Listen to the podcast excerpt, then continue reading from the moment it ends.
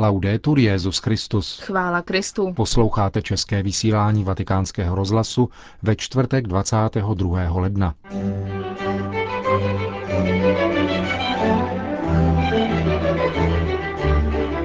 Benedikt XVI. přijal první čtyři biskupy Iráku v rámci kanonické návštěvy Adlimina. Ruská pravoslavná církev se chystá na volbu nového patriarchy. Apoštolský nuncius v Izraeli navštívil pásmo Gaza. To jsou některá z témat našeho dnešního pořadu, ke kterému přejí hezký poslech Markéta Šindelářová a Milan Glázer. Zprávy vatikánského rozhlasu. Vatikán. Iráčtí biskupové začali ve Vatikánu svou návštěvu Adlímina. První čtyři členy tamnější biskupské konference dnes přijal v osobních audiencích Benedikt XVI. Šlo o biskupy chaldejského obřadu, k němuž se hlásí kolem 290 tisíc věřících. Z celkového počtu 25 milionů obyvatel žilo v Iráku před angloamerickou invazí 800 tisíc křesťanů. Asi polovina z nich byla potom nucena ze země odejít a další stále odcházejí v důsledku násilí, kterému jsou tam denně vystavováni. Křesťané jsou vyháněni ze svých domovů, jsou zabíjeni a je jim vyhrožováno zabitím, pokud nepřijmou konverzi k islámu. Prchají po nejvíce do Sýrie a Jordánska, kde přežívají díky humanitární pomoci se stále menší nadějí na návrat domů. Pro vatikánský rozhlas řekl chaldejský arcibiskup Kirkuku Monsignor Luis Sacco. Cítíme se trochu izolovaní a bohužel i zapomenutí. Křesťané, kteří opustili zemi, i ti ostatní, kteří zůstali, očekávají budoucnost s nevelkými nadějemi. Žijí v obavách o své děti a jejich budoucnost, v obavách o své domovy a práci. Myslím, že se to týká také západu, církví, aby nám pomohli. Jsme malá církev, ale žijeme tady 2000 let a nikdy ne úplně bez problémů. Nyní však nemůžeme Irák opustit. Polovina křesťanů zemi opustila a je třeba jim pomoci, aby se mohli vrátit. Představuje Barack Obama nějakou naději? Těžko říci. Politika nezávisí na jediné osobě. Pokud se rozhodne stáhnout vojáky, pak nastane chaos. Možná dojde i k občanské válce. Nemáme dostatek vojáků a policistů, abychom zajistili bezpečnost pro 25 milionů obyvatel. Říká chaldejský arcibiskup Kirkuku Monsignor Sako. Chaldejská církev trpí islámským extremismem, který se nekontrolovatelně projevuje na místních úrovních. Loni byl zabit například biskup Mosulu Raho. I přes nesmírné těžkosti však chaldejská církev žije v naději, říká pomocný biskup Bagdádu Monsignor Shalmun Vardumi. Chceme, aby nastal mír a bezpečí, protože jinak se křesťané či Iráčané, kteří utekli za hranice, nemohou vrátit. Doufáme, že mír a bezpečnost je přímějí k návratu, protože v emigraci se nežije dobře. Skutečnost, že byla těžce zasažena církev i ve svých představitelích, je ještě stále pocitována. Zajisté je to otřesné a bolestné. Když je zabit kněz nebo biskup, lid se cítí o to více ohrožen a demoralizován. Monsignor Varduni dále řekl, že demokracie nemůže být vnucena a že je zapotřebí k demokracii vychovávat.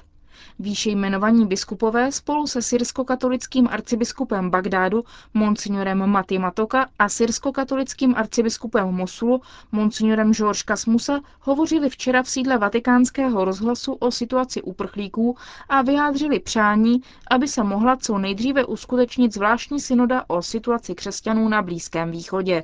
Vatikán.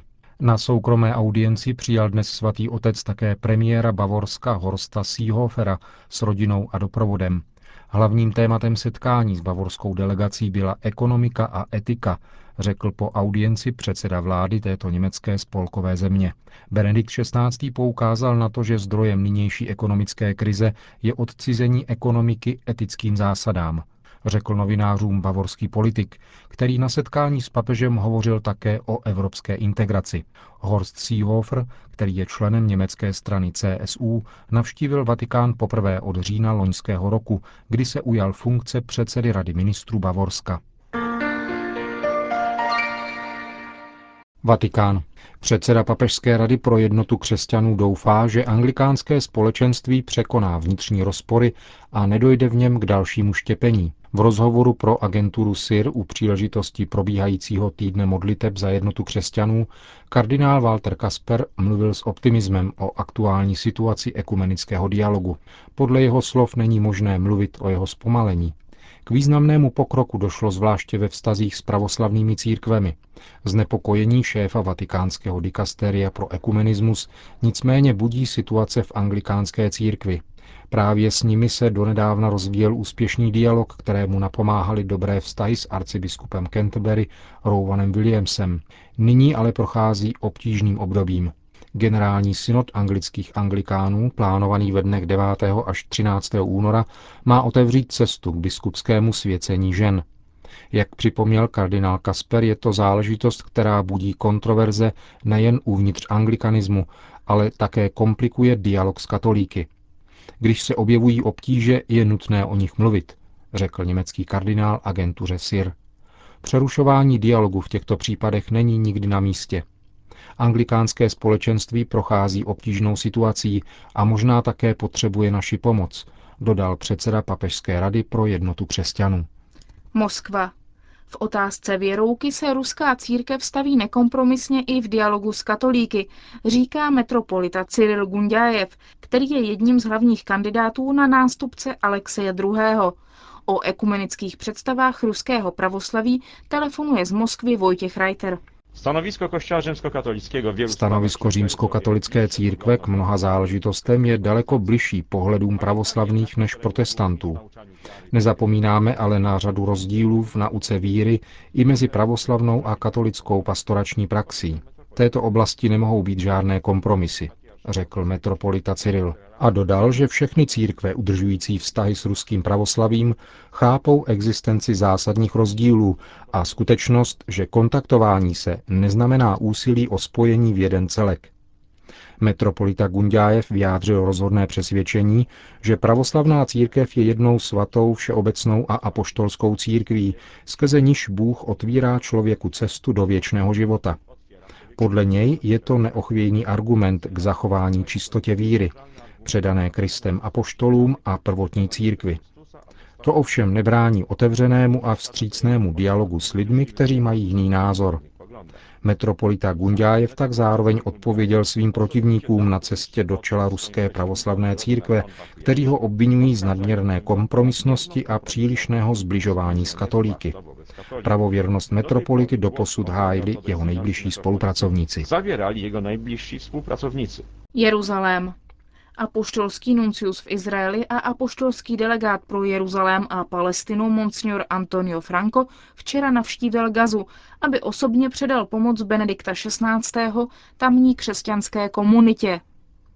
Navštívil jsem centrum Gazy, kde je leco zničené, řekl pro agenturu SIR.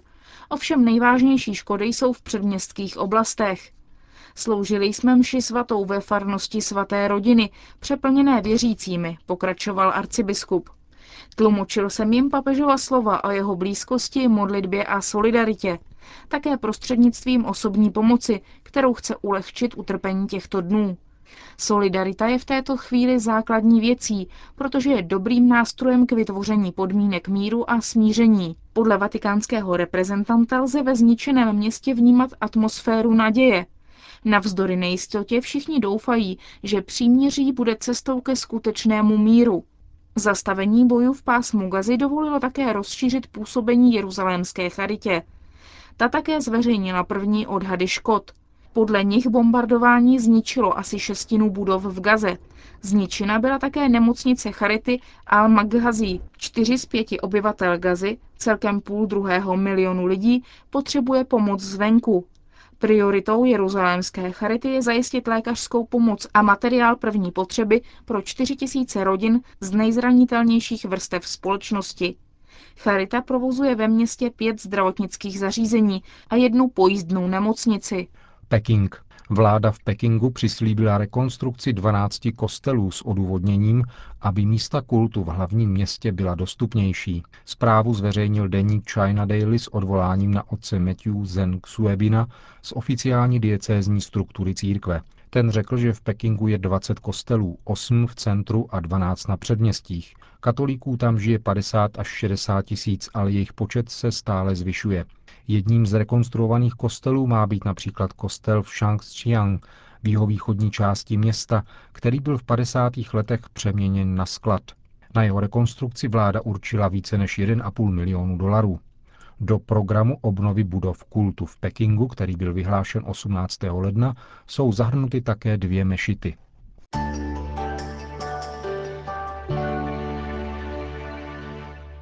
Mnichov. Do Mnichova se sjeli členové Evropského ekumenického výboru pro vztahy s islámem. Výboru dali vzniknout Rada evropských katolických biskupských konferencí a konference evropských církví. Letos končí jeho čtyřletý mandát. O tom, jakým tématům se ekumenický výbor věnoval, hovořila Tiziana Campisi s jedním z jeho členů, otcem Claudio Monge, představeným dominikánské komunity v Istanbulu. Nesmíme zapomenout, že se nacházíme ve zvláštní situaci. Situaci blízkovýchodního konfliktu, který se znovu rozhořel. Bohužel náš výbor se schází dvakrát do roka a proto nemůže reagovat na ty nejaktuálnější události.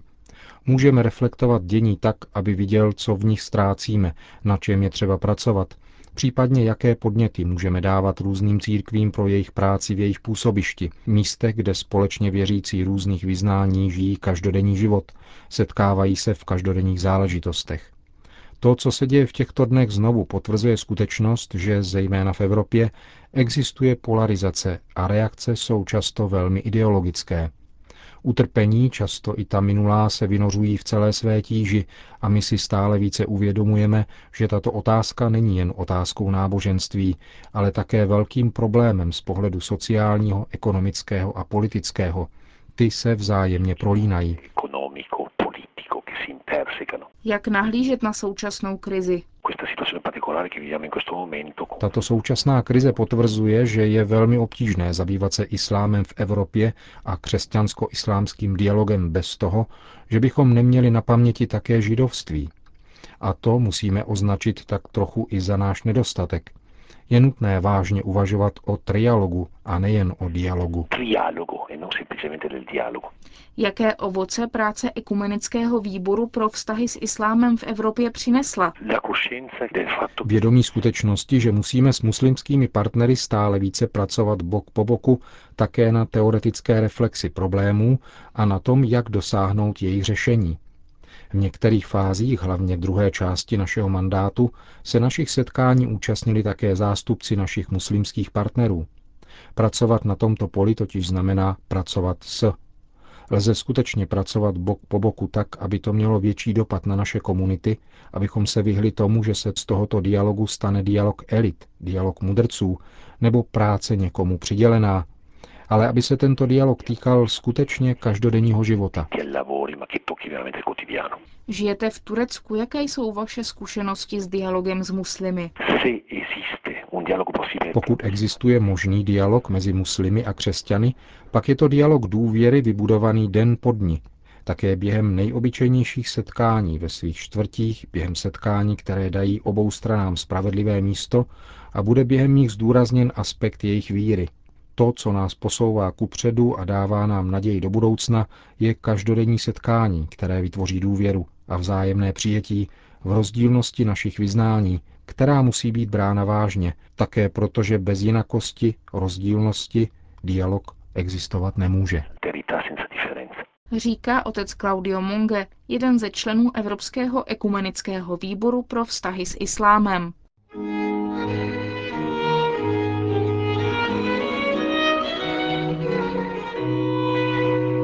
Končíme české vysílání vatikánského rozhlasu. Chvála Kristu. Laudetur Jezus Christus.